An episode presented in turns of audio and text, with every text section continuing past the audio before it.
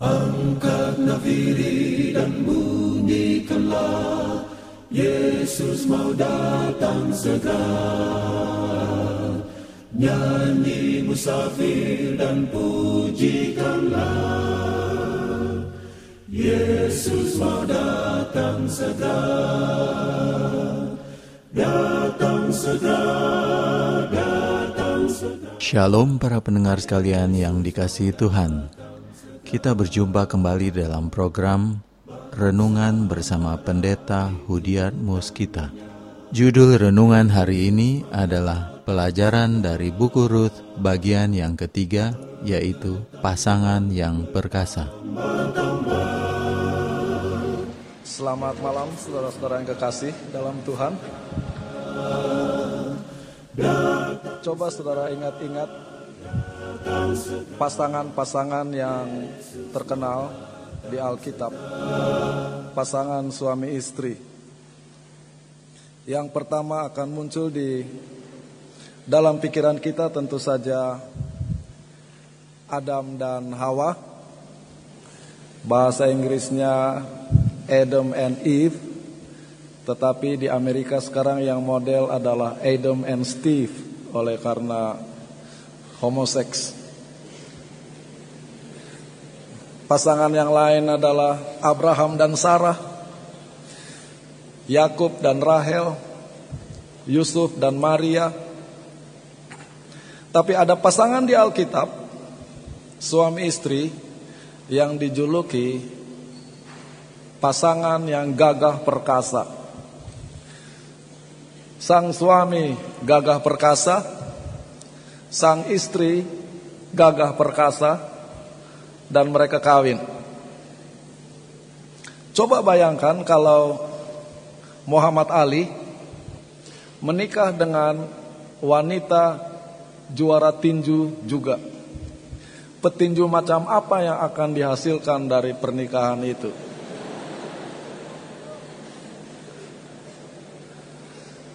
Coba bayangkan kalau juara dunia catur Gary Kasparov menikah dengan juara catur perempuan dunia anak sejenius macam apa yang akan dihasilkan oleh perkawinan itu.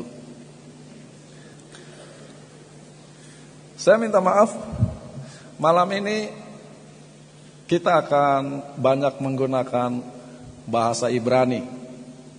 Bukan untuk gagah-gagahan, tetapi supaya kita bisa mengerti Alkitab dengan lebih baik. Yang pertama, kata Ibrani yang pertama adalah gibor yang artinya kuat, strong, perkasa, mighty, valiant, bisa berarti pahlawan, bisa berarti perwira, dan bisa juga berarti ganas, gibor. Contoh di Alkitab orang yang dijuluki gibor adalah Nimrod. Kejadian 10 ayat 8. Kus memperanakan Nimrod. Dialah yang mula-mula sekali orang yang berkuasa, sebetulnya gagah perkasa, gibor di bumi. Ia seorang pemburu yang gagah perkasa, gibor di hadapan Tuhan. Sebab itu dikatakan orang seperti Nimrod, seorang pemburu yang gagah perkasa, gibor di hadapan Tuhan. Lalu di Yosua pasal 10 dilaporkan setelah terdengar oleh Adonizedek raja Yerusalem bahwa Yosua telah merebut Ai dan telah menumpasnya seperti yang dilakukannya terhadap Yeriko dan terhadap rajanya, demikianlah juga dilakukannya terhadap Ai dan terhadap rajanya. Dan bahwa penduduk kota Gibeon telah mengadakan ikatan persahabatan dengan orang Israel dan diam di tengah-tengah mereka. Maka sangat takutlah orang sebab Gibeon itu kota besar seperti salah satu kota kerajaan bahkan lebih besar dari Ai. Dan semua orangnya adalah Gibor pahlawan nubuatan tentang kelahiran Yesus Yesaya 9 ayat 6 sebab seorang anak telah lahir untuk kita Seorang putra telah diberikan untuk kita. Lambang pemerintahan ada di atas bahunya dan namanya disebutkan orang. Penasehat, ajaib, Allah yang perkasa, El Gibor, Bapa yang kekal, Raja damai. Lalu kata kedua yang akan kita gunakan pada malam ini adalah hail. Hail lebih menekankan kekuatan fisik, lebih menekankan kemampuan seseorang dan juga sering kali digunakan untuk menggambarkan satuan prajurit. Dan sering kali di Alkitab kata hail digabungkan dengan kata gibor. Yosua 6. Dalam pada itu, Yeriko telah menutup pintu gerbangnya. Telah tertutup kota itu karena orang Israel. Tidak ada orang keluar atau masuk. Berfirmanlah Tuhan kepada Yosua, ketahuilah, aku serahkan ke tanganmu Yeriko ini beserta rajanya dan pahlawan-pahlawannya yang gagah perkasa, Gibor Hail. Ingat cerita Gideon ketika dia sedang bersembunyi? Hakim-hakim 6 ayat 11. Kemudian datanglah malaikat Tuhan dan duduk di bawah pohon terbantin di Ofra kepunyaan Yoas orang Abiezer itu. Sedang Gideon anaknya mengirik gandum dalam tempat pemerasan anggur agar tersembunyi bagi orang Midian. Malaikat Tuhan menampakkan diri kepadanya dan berfirman kepadanya demikian. Tuhan menyertai engkau ya pahlawan yang gagah berani, Gibor Hail. Kalau Gibor Hail itu penekanannya gagah perkasa, gagah perkasa, maka penterjemah Alkitab mengalami kesulitan ketika mereka harus menerjemahkan Rut pasal 2 ayat 1. Naomi itu mempunyai seorang sanak dari pihak suaminya, koma, is Gibor Hail.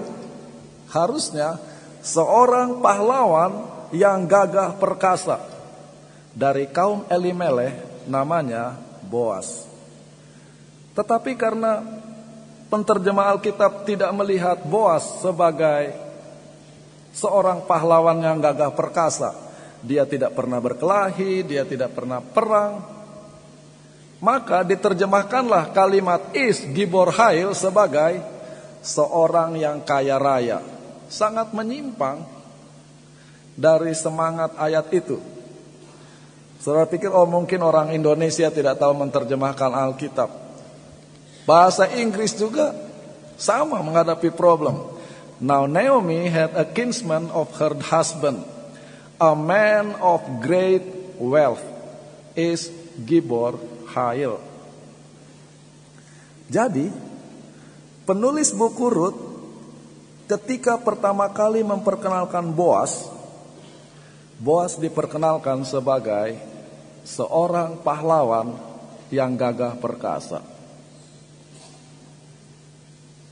Lalu kita tahu ceritanya.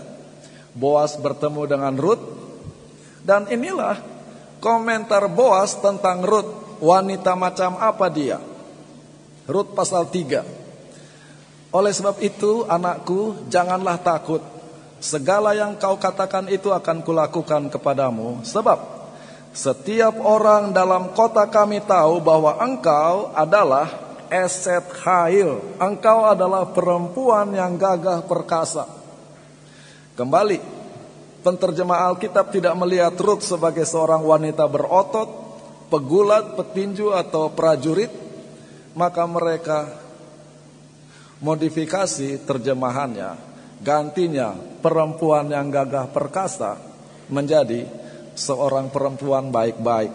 Sangat menyimpang dari semangat ayat itu.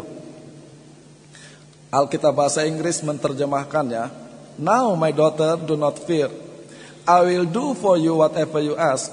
For all my people in the city know that you are a woman of excellence. masih lumayan. A woman of excellence, perempuan yang hebat. Tetapi masih tidak mencerminkan aset Hail, perempuan yang gagah perkasa. Jadi, di dalam bahasa aslinya, pasangan suami istri Boas dan Ruth diperkenalkan sebagai lelaki gagah perkasa yang menikah dengan seorang perempuan gagah perkasa. Boas disebut pahlawan yang gagah perkasa, Gibor Hail. Ruth disebut perempuan yang perkasa, Eset Hail, Eset artinya perempuan. Pertanyaannya, kenapa? Apa kehebatan Boas apa kehebatan Ruth sampai mereka dikenal sebagai laki-laki dan perempuan yang gagah perkasa? Sekarang kita akan lihat Boas. Kenapa Boas disebut seorang laki-laki yang gagah perkasa?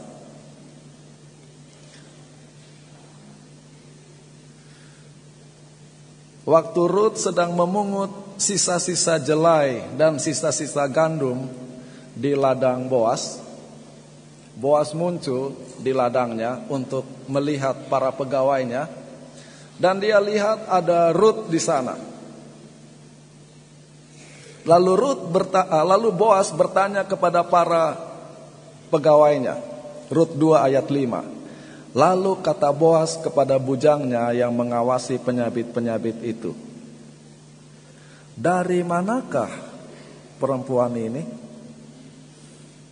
Kembali dengan mohon maaf, Alkitab bahasa Indonesia mempunyai menghadapi kesulitan ketika menerjemahkan pertanyaan Boas. Dari manakah perempuan ini? Alkitab bahasa Inggris lebih dekat ke bahasa aslinya. Whose young woman is this? Jadi dalam bahasa aslinya itu lebih belong to whom does this young woman? Milik siapakah perempuan ini? Tanya Boas kepada para hambanya. Karena pada zaman itu perempuan adalah properti. Dia adalah milik seseorang dia harus milik bapaknya kalau belum kawin atau dia adalah milik suaminya kalau sudah kawin atau dia adalah milik tuannya kalau kerja sebagai hamba. Kalau seorang perempuan berdiri sendiri sangat rentan. Siapa saja bisa menyerang dia dan tidak ada yang menolong.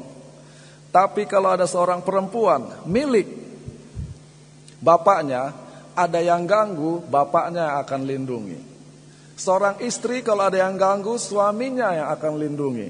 Seorang hamba kalau ada yang ganggu, tuannya yang akan melindungi. Jadi Boas bertanya, milik siapakah perempuan ini? Para hambanya kebingungan menjawab pertanyaan Boas. Milik siapakah perempuan ini? Ruth bukan milik siapa-siapa. Maka mereka menjawab, dia adalah perempuan Moab yang kembali bersama Naomi dari tanah Moab.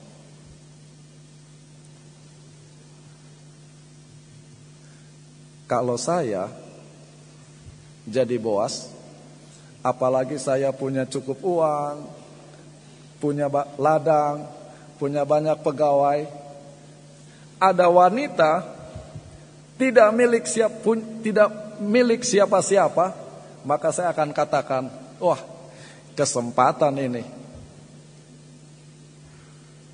Saya bisa dekati dia, saya bisa lakukan apa saja terhadap dia dan tidak akan ada yang marah karena dia perempuan asing, orang tuanya jauh, dia seorang janda, suaminya sudah mati, dia menumpang kepada wanita tua, perempuan ini akan dengan sangat mudah saya permainkan. Tetapi Boas, Gantinya melihat Ruth sebagai objek yang lemah yang bisa diperlakukan apa saja. Di ayat 8 dikatakan, maka Boas berkata kepada Ruth, dengarkanlah anakku, bahasa Inggrisnya my daughter, gantinya melihat Ruth sebagai objek untuk dipermainkan, Boas melindungi Ruth bagaikan anak perempuannya sendiri.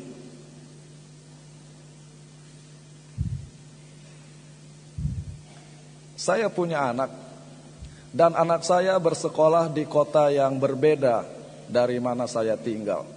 Dia tinggal di asrama. Saya selalu berdoa dan berharap mudah-mudahan guru-gurunya akan memperlakukan dia seperti anak mereka sendiri. Jangan karena anak saya jauh, saya tidak bisa jaga, guru-gurunya mengambil kesempatan untuk mempermainkan dia. Saya punya anak dan anak saya tinggal di asrama. Kami suami istri selalu berdoa setiap malam. Tuhan kiranya teman-teman sekamarnya akan memperlakukan dia seperti saudara sendiri. Janganlah dia dijadikan objek bulan-bulanan oleh teman-teman sekamarnya. Boas adalah kegenapan dari doa setiap orang tua. Gantinya melihat Ruth yang posisinya secara sosial lemah dan bisa dipermainkan, dia memilih untuk melindungi Ruth sebagai anak perempuannya sendiri. Hanya satu kata yang dia ucapkan, "My daughter," tetapi kata itu sudah mencerminkan tingkat moral Boas yang sangat tinggi. Dia tidak melihat wanita-wanita hanya sekedar sebagai objek, tetapi mereka dia hormati para wanita sebagai manusia untuk dilindungi dan dihargai. Itulah sebabnya penulis Alkitab memperkenalkan Boas sebagai gagah perkasa, bukan ototnya, bukan betisnya, tetapi moralnya yang gagah perkasa.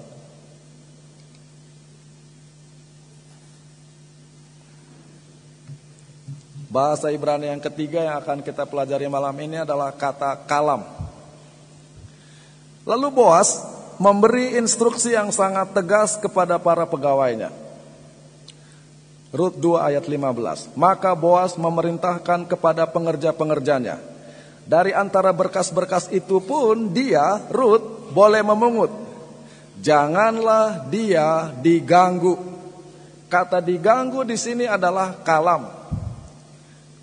Menurut saudara kenapa? Boas mengatakan Ruth tidak boleh diganggu. Apa artinya tidak boleh disiul-siul? Atau tidak boleh diajak ngobrol? Alkitab bahasa Inggris lebih dekat dengan semangat asli ayatnya. Do not insult her. Insult itu artinya melecehkan, mempermainkan, menggoda dengan tujuan merendahkan derajat dia sebagai wanita. Kalam artinya direndahkan, dipermalukan, Ya kurang lebih sama Disgrace Dilecehkan Tidak dihormati Boas Tidak cukup hanya Dia tidak Menggoda Ruth Dengan segala kekuatannya Dia berusaha supaya orang lain juga Tidak menggoda Ruth Bisa saja dia orang baik tetapi ketika menonton Ruth digoda oleh pegawai-pegawainya dia senyum-senyum dan menikmati tontonan itu. Boas adalah seorang dengan moral yang sangat kuat. Dia larang dengan keras pegawainya menggoda Ruth. Dan waktu Ruth pulang ke rumah, dia melapor kepada Naomi mertuanya pengalamannya di ladang. Maka Naomi berkomentar demikian. Rut 2 ayat 22. Ya anakku sebaiknya engkau keluar bersama-sama dengan pengerja-pengerjanya perempuan supaya engkau jangan disusahi paga orang di ladang lain. Sepintas kita baca seolah-olah Rut jangan pergi ke ladang lain supaya jangan diusir-usir. Betul? Paga bahasa Ibrani itu artinya untuk menemui, untuk mendekati, tetapi juga bisa untuk menyerang, untuk membunuh, untuk memaksa. Jadi waktu Naomi katakan, jangan pergi ke ladang lain, nanti kamu diserang orang dan dipaksa orang. Konotasinya adalah pemerkosaan. Selama ini kita baca buku Rut dan kita baca, oh Rut pergi ke ladang memungut jelai. Sama seperti bayangan kita seorang wanita cuma keluar ke kebun. Di zaman itu seorang wanita sendirian tanpa pelindung keluar ke ladang harus siap dilecehkan dan bahkan diperkosa.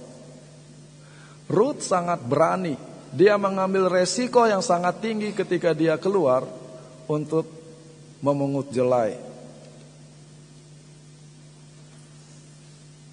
Lalu Ruth bertemu dengan Boas dan dia menyampaikan terima kasihnya kepada Boas. Dia katakan demikian. Lalu sujudlah Ruth menyembah dengan mukanya sampai ke tanah dan berkata kepadanya, Mengapakah aku mendapat belas kasihan daripadamu sehingga Tuhan memperhatikan aku, padahal aku ini seorang asing?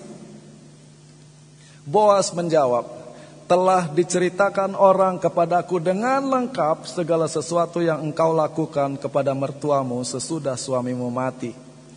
Bagaimana engkau meninggalkan ibu bapamu dan tanah kelahiranmu serta pergi kepada suatu bangsa yang dahulu tidak engkau kenal.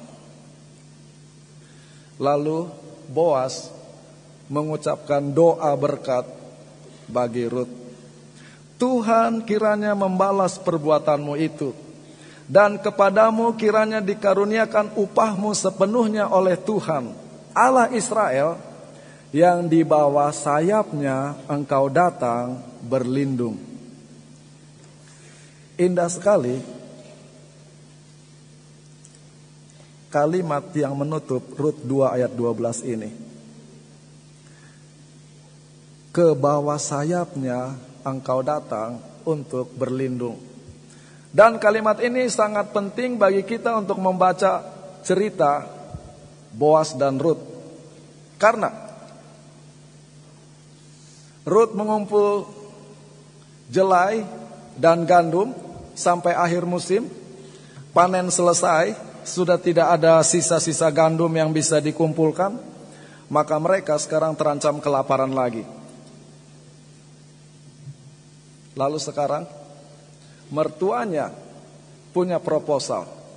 Kamu minta Boas mengawini kamu. Kalau tidak kita akan mati. Pergi kamu ke sana. Ingat tadi malam ketika Naomi menyuruh Ruth pulang, dia katakan tidak. Tapi kali ini ketika Naomi menyuruh dia pergi menemui Boas malam-malam, dia menurut. Dia pergi. Rut pasal 3 ayat 7. Setelah Boas habis makan dan minum dan hatinya gembira, datanglah ia untuk membaringkan diri, tidur pada ujung timbunan jelai itu. Kemudian datanglah perempuan itu dekat dengan diam-diam.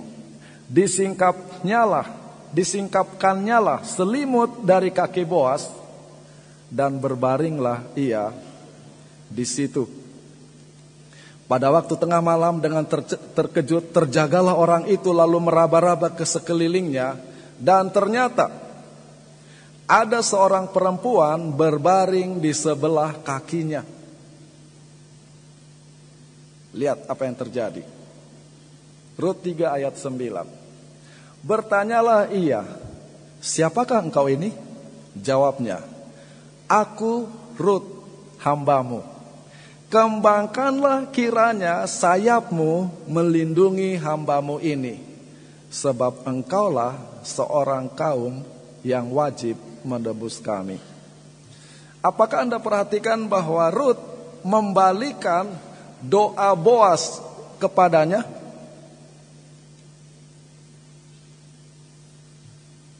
Ketika uh, para teolog berbahasa Inggris membaca Rut 3 ayat 9 ketika Rut berkata kembangkanlah kiranya sayapmu melindungi hambamu ini Alkitab bahasa Inggris menulis spread your covering over your mate seolah-olah Rut minta masuk selimut tidur berdua dengan Boas. Spread your covering over your mate. The word covering conveys sexual connotation. Seolah-olah Ruth minta supaya malam itu mereka tidur berduaan. Dalam hal ini Alkitab bahasa Indonesia jauh lebih bagus terjemahannya. Kenapa? Di Rut pasal 2 ayat 12, Boas berkata, kiranya dikaruniakan upahmu sepenuhnya oleh Tuhan Allah Israel yang di bawah sayapnya kanaf sayap engkau datang untuk berlindung. Oke. Jadi Boas berdoa kiranya Tuhan melindungi Ruth lalu sekarang Ruth berkata aku Ruth hambamu kembangkanlah kiranya sayapmu kanaf melindungi hambamu ini sebab engkaulah seorang kaum yang wajib menebus kami. Jadi Ruth bukan minta diselimuti. Ruth adalah meminta. Ingat Bapak pernah berdoa kiranya Tuhan mengembangkan sayap untuk melindungi saya. Tapi Tuhan di sorga Bapak yang harus melindungi saya sebagai kegenapan janji Tuhan kepada saya. Sebab engkaulah yang wajib menebus kami. Jadi ini adalah pertukaran kata doa bukan permintaan seorang wanita untuk diselimuti malam-malam. Mereka berdua adalah dua orang yang moralnya sangat tinggi.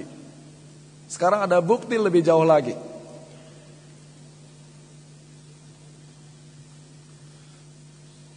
Supaya hemat space saya ganti ke bahasa Inggris. Bos katakan oke, okay, saya akan nikahi kamu. Betul, saya adalah kerabat dekat. Tapi dia bilang, ada kerabat yang lebih dekat lagi dari saya. Lalu dia bilang begini, tinggallah bersama saya malam ini. Pada waktu pagi, aku akan menebus engkau. Oh maaf, pada waktu pagi, jika kerabat itu akan menebus engkau, bagus, biarlah dia menebus engkau. Tetapi jika dia tidak mau menebus engkau, aku akan menebus engkau. Sebagaimana Tuhan hidup. Berbaringlah sampai pagi. Apa saudara bisa perhatikan kata-kata Boas? Dia bilang begini, saya mau menikahi kamu, tapi ada orang lain yang lebih berhak menikahi kamu.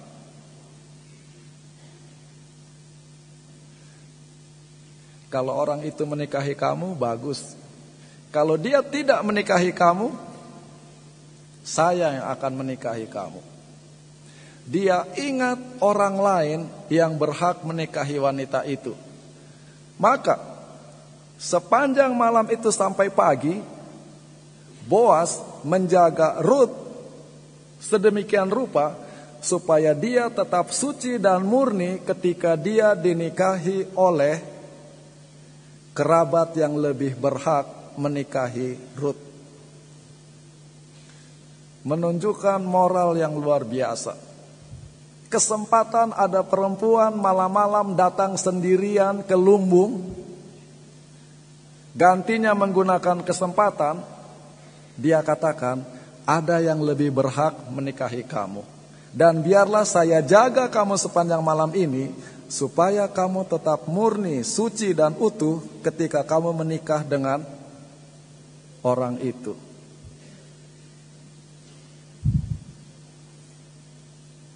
Sebagai laki-laki kita harus ingat, tidak semua wanita yang kita pacari akan kita kawini. Karena satu hal dan lain-lain tidak cocok kita akan berpisah. Jangan sampai orang yang menikahi wanita yang pernah kita dekati hanya dapat sisa-sisanya oleh karena moral kita sangat rendah. Baca cerita Boas dan Ruth. Ada kerabat lain yang lebih berhak untuk menikahi kamu. Dan dia sangat menghormati. Saya mau ketika kamu menikah dengan dia, kamu dalam keadaan murni, suci, dan utuh. Kalau saja setiap laki-laki punya moral seperti Boas, sudah aman dunia ini. Itulah sebabnya Boas disebut seorang pahlawan yang gagah perkasa, bukan karena jago perang, bukan karena jago berkelahi, bukan karena berotot, tetapi moralnya sangat tinggi dan kuat. Sekarang kita lihat Ruth, kenapa dia disebut perempuan yang gagah perkasa? Seperti sudah kita singgung tadi, Ruth mengambil keputusan, mengambil inisiatif tanpa disuruh untuk mencari makan. Maka Ruth perempuan Moab itu berkata kepada Naomi, "Biarkanlah aku pergi ke ladang, memungut bulir-bulir jelai di belakang orang yang murah hati kepada aku." Dan seperti kita ketahui tadi, dengan dia pergi ke ladang, dia menghadapi resiko insulted, dilecehkan, dan bahkan diperkosa. Buat Ruth hidup susah. Tadi pagi kita sudah lihat bagaimana kehidupan dan kematian datang silih berganti dalam pengalaman keluarga itu. Tetapi bagi Ruth hidup memang perjuangan. Ruth bukan wanita cengeng. Dia berani menghadapi kehidupan sesusah apa pun itu. Jadi Ruth adalah seorang wanita yang aktif, agresif, dan berani. Yang hebatnya, ketika Boas menolong dia, inilah yang dilakukan oleh Ruth. Ruth 2 ayat 10. Lalu sujudlah Ruth menyembah dengan mukanya sampai ke tanah dan berkata, Mengapa aku mendapat belas kasihan daripadamu?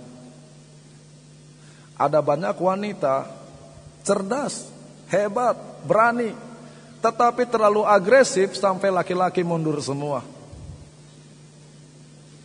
Ruth walaupun seorang yang berani dan cerdas, dia adalah seorang yang sopan dan tahu berterima kasih.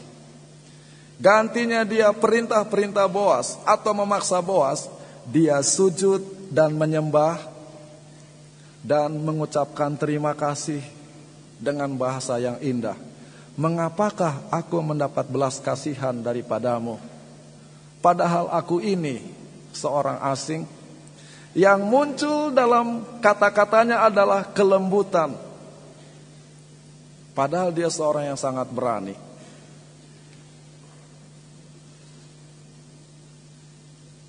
Lalu dia berkata lebih jauh, Aku mendapat belas kasihan daripadamu ya Tuanku, sebab Tuhan telah menghiburkan aku dan telah menenangkan hati hambamu ini. Walaupun aku tidak sama seperti salah seorang hamba-hambamu perempuan. Kata-katanya itu sangat bijak dan dalam.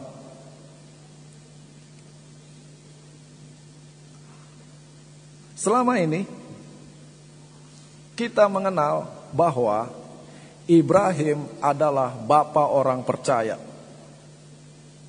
Kenapa Ibrahim disebut bapak orang percaya? Karena dia menurut Tuhan ketika disuruh meninggalkan negerinya untuk pergi ke negeri yang akan ditunjukkan oleh Tuhan. Kejadian 12 ayat 1.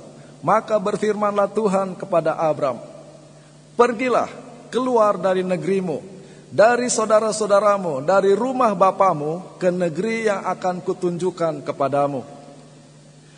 Aku akan membuat engkau bangsa yang besar." Aku akan memberkati engkau. Aku akan membuat namamu besar. Dan engkau akan menjadi berkat. Aku akan memberkati mereka yang memberkati engkau. Dan dia yang mengutuk engkau akan kukutuk. Dan olehmu semua kaum di bumi ini akan memperoleh berkat. Lalu Ibrahim pergi maka pergilah Ibrahim seperti firman Tuhan. Tapi Lot menyertai dia. Dia mengambil Sarah istrinya dan Lot keponakannya dan semua harta mereka yang sudah mereka kumpulkan dan semua hamba mereka yang mereka kumpulkan di Haran dan mereka pergi ke Kanaan. Ibrahim pergi dengan istri dengan keponakan, dengan hamba-hamba dan dengan harta. Kenapa dia pergi? Karena Tuhan memanggil dia. Sekarang bandingkan Ruth. Phyllis Tribble membuat komentar yang menarik. Ruth berdiri sendirian ketika dia memutuskan untuk ikut Naomi. Dia tidak punya apa-apa. Tidak ada Tuhan yang memanggil dia. Tidak ada Tuhan yang menjanjikan berkat. Tidak ada orang yang menemani dia. Dia hidup dan memilih tanpa dukungan kelompok. Dan dia menyadari bahwa buah dari keputusannya boleh jadi hanya sekedar ditolak. Bahkan dibunuh. Kamu orang Moab berani-berani datang ke Israel. Demikianlah. Bahkan iman Abraham pun tidak bisa melebihi iman daripada Ruth. Kenapa? Kalau Ibrahim pergi karena Tuhan panggil dia. Tuhan menjanjikan berkat. Dia pergi ditemani oleh keluarga dan dia pergi dengan hartanya. Ruth pergi tanpa janji Tuhan, tanpa berkat Tuhan, tanpa siapa-siapa. Itulah sebabnya di dalam kenangan orang Israel, kalau Ibrahim adalah bapak orang percaya, maka Ruth adalah ibu orang percaya. Dan ada satu lagi, kata Phyllis Tribble. Bukan hanya Ruth meninggalkan keluarganya, bangsanya, dan imannya, tetapi dia juga merubah cara berpikir berdasarkan kepentingan seks. Seorang perempuan pergi mengikuti seorang wanita tua daripada mencari suami. Adalah wajar bagi seorang wanita untuk meninggalkan bangsanya, keluarganya, rumahnya karena ikut suami. Ruth pergi bukan karena ikut suami, tetapi menemani seorang janda tua yang miskin. Dan itu menunjukkan dia tidak mencari keuntungan apa-apa. Seorang wanita memilih wanita lain di satu dunia di mana hidup mereka bergantung kepada laki-laki. There is no more radical decision in all the memories of Israel. Tidak ada keputusan yang lebih hebat yang pernah dilakukan oleh seseorang di dalam kenangan Israel. Iman Ruth adalah iman tertinggi di perjanjian lama. Tadi malam saya tanya, kenapa bukunya judulnya Ruth bukan Naomi? Karena Ruth seorang yang gagah perkasa, bukan ototnya tetapi budinya dan terutama imannya. Maka penulis Alkitab mau mencari julukan apa? Dibilang rohani, jauh lebih dari sekedar rohani. Dibilang baik, jauh lebih baik. Maka yang digunakan adalah seorang perempuan yang gagah perkasa. Ruth sangat hebat. Idealnya, dalam satu perkawinan, seorang pria baik-baik menikah dengan seorang wanita baik-baik. Tetapi dalam hidup sering kali tidak ideal. Dan kalau yang tidak ideal yang terjadi jauh lebih baik seorang pria tidak baik menikah dengan wanita baik-baik daripada seorang pria baik-baik menikah dengan wanita yang tidak baik. Kenapa? Karena wanita yang akan melahirkan anak-anak, karena wanita yang akan mendidik dan membesarkan anak-anak, karena wanita yang akan selalu melihat perkembangan anak-anak, naluri keibuan, hubungan mereka tidak terputuskan. Di dalam bahasa Ibrani, kasih sayang ibu itu raham. Diambil dari kata rahim. Kenapa kasih sayang ibu begitu besar? Karena anak itu adalah buah rahimnya. Itulah soalnya disebut Allah yang rahmani itu dari kata raham diambil diperlukan perempuan-perempuan seperti Ruth supaya dunia ini bisa menjadi tempat yang lebih baik. Di Alkitab kata eset hail hanya muncul tiga kali. Satu di buku Ruth kita sudah ketahui, yang lain ada di buku Amsal dan lebih merupakan angan-angan dan cita-cita. Istri yang cakap, eset hail adalah mahkota suaminya. Tetapi yang membuat malu adalah seperti penyakit yang membusukkan tulang suaminya. Istri yang cakap bukan istri yang cakep. Saya ingat teman saya dinasehati oleh bapaknya.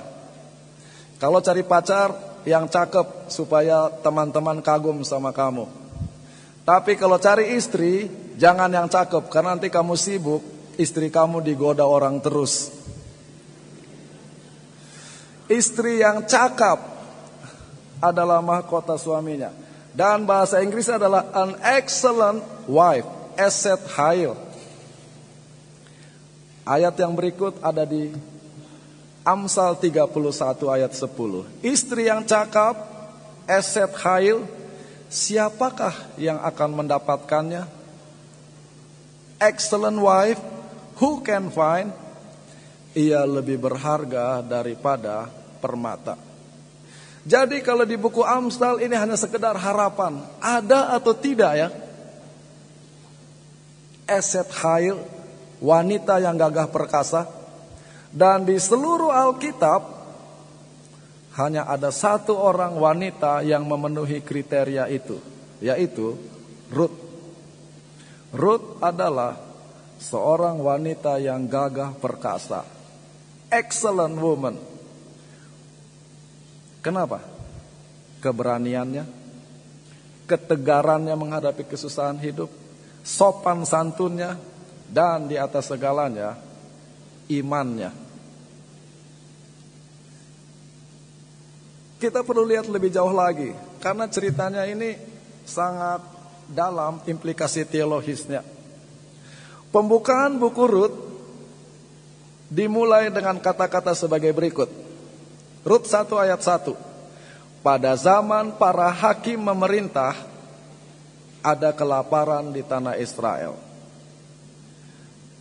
Artinya kalau kita baca buku Rut Buku itu harus dibaca berdasarkan buku hakim-hakim sebagai latar belakang. Karena buku itu berkata, pada zaman para hakim ada cerita ini. Jadi sekarang kita bertanya, Bagaimanakah keadaan pada zaman hakim-hakim? Jawabannya Hakim-hakim 17 ayat 6. Pada zaman itu tidak ada raja di antara orang Israel. Setiap orang berbuat apa yang benar menurut pandangannya sendiri. Hakim-hakim 21 ayat 25. Pada zaman itu tidak ada raja di antara orang Israel. Setiap orang berbuat apa yang benar menurut pandangannya sendiri. Inilah zaman hakim-hakim ketika setiap orang berbuat apa yang benar menurut pandangannya sendiri, ada Boas yang moralnya sangat tinggi. Ada Ruth yang imannya sangat tinggi. Mereka bagaikan bintang-bintang yang gemerlap di tengah kegelapan moral pada zaman itu. Jangan ikut tren. Maka penulis buku Ruth Nabi Samuel menggunakan istilah-istilah kekuatan fisik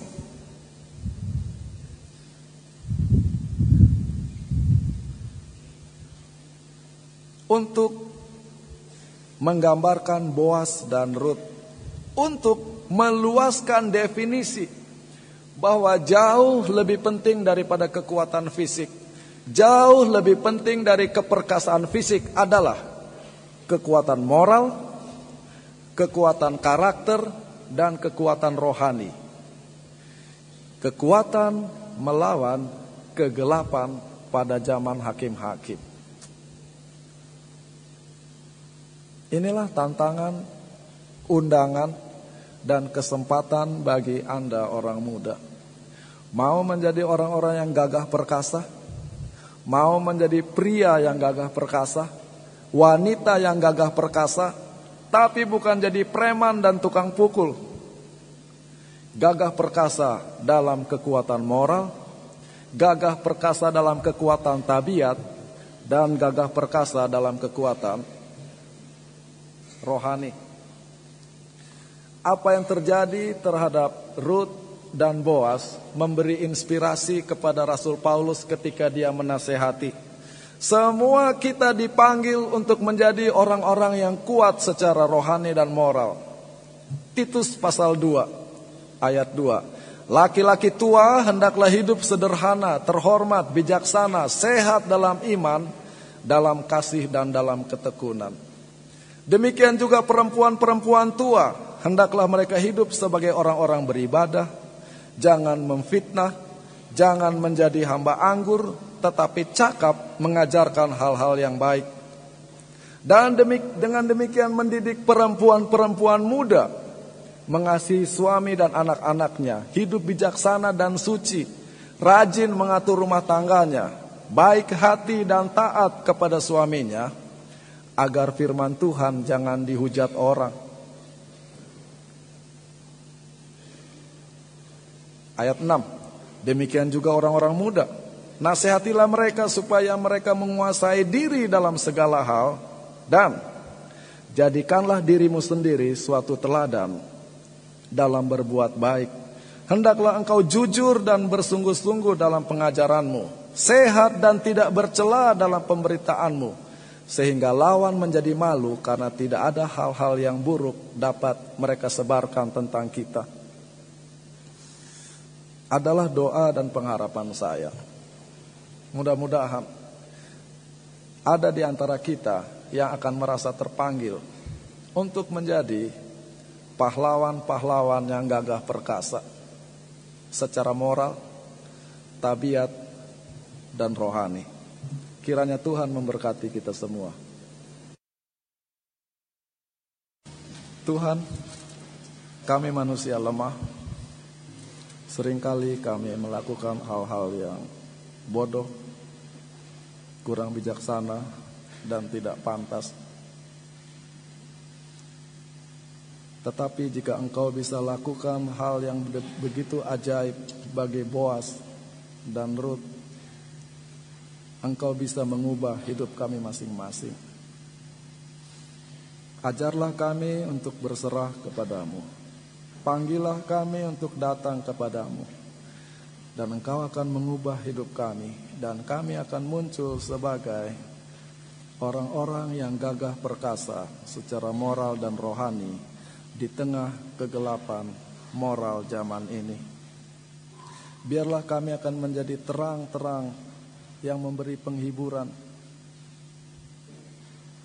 dan kebahagiaan bagi orang-orang di sekitar kami. Oleh karena kami memperlakukan orang-orang di sekitar kami sebagaimana pantasnya. Biarlah kami pulang dengan janji ini dan janji ini bisa menjadi kegenapan dalam kehidupan kami masing-masing. Di dalam nama Tuhan Yesus kami berdoa. Amin. Demikianlah para pendengar sekalian, renungan yang dibawakan oleh Pendeta Hudiat Muskita. Program ini diselenggarakan oleh Advent Vision Media Ministry. Apabila Anda ingin memberikan komentar, silakan kirimkan SMS ke nomor 087 888 777 689. Kami ulangi 087 888 777 689. Semoga Tuhan memberkati kita semua. Sampai jumpa minggu depan pada waktu yang sama.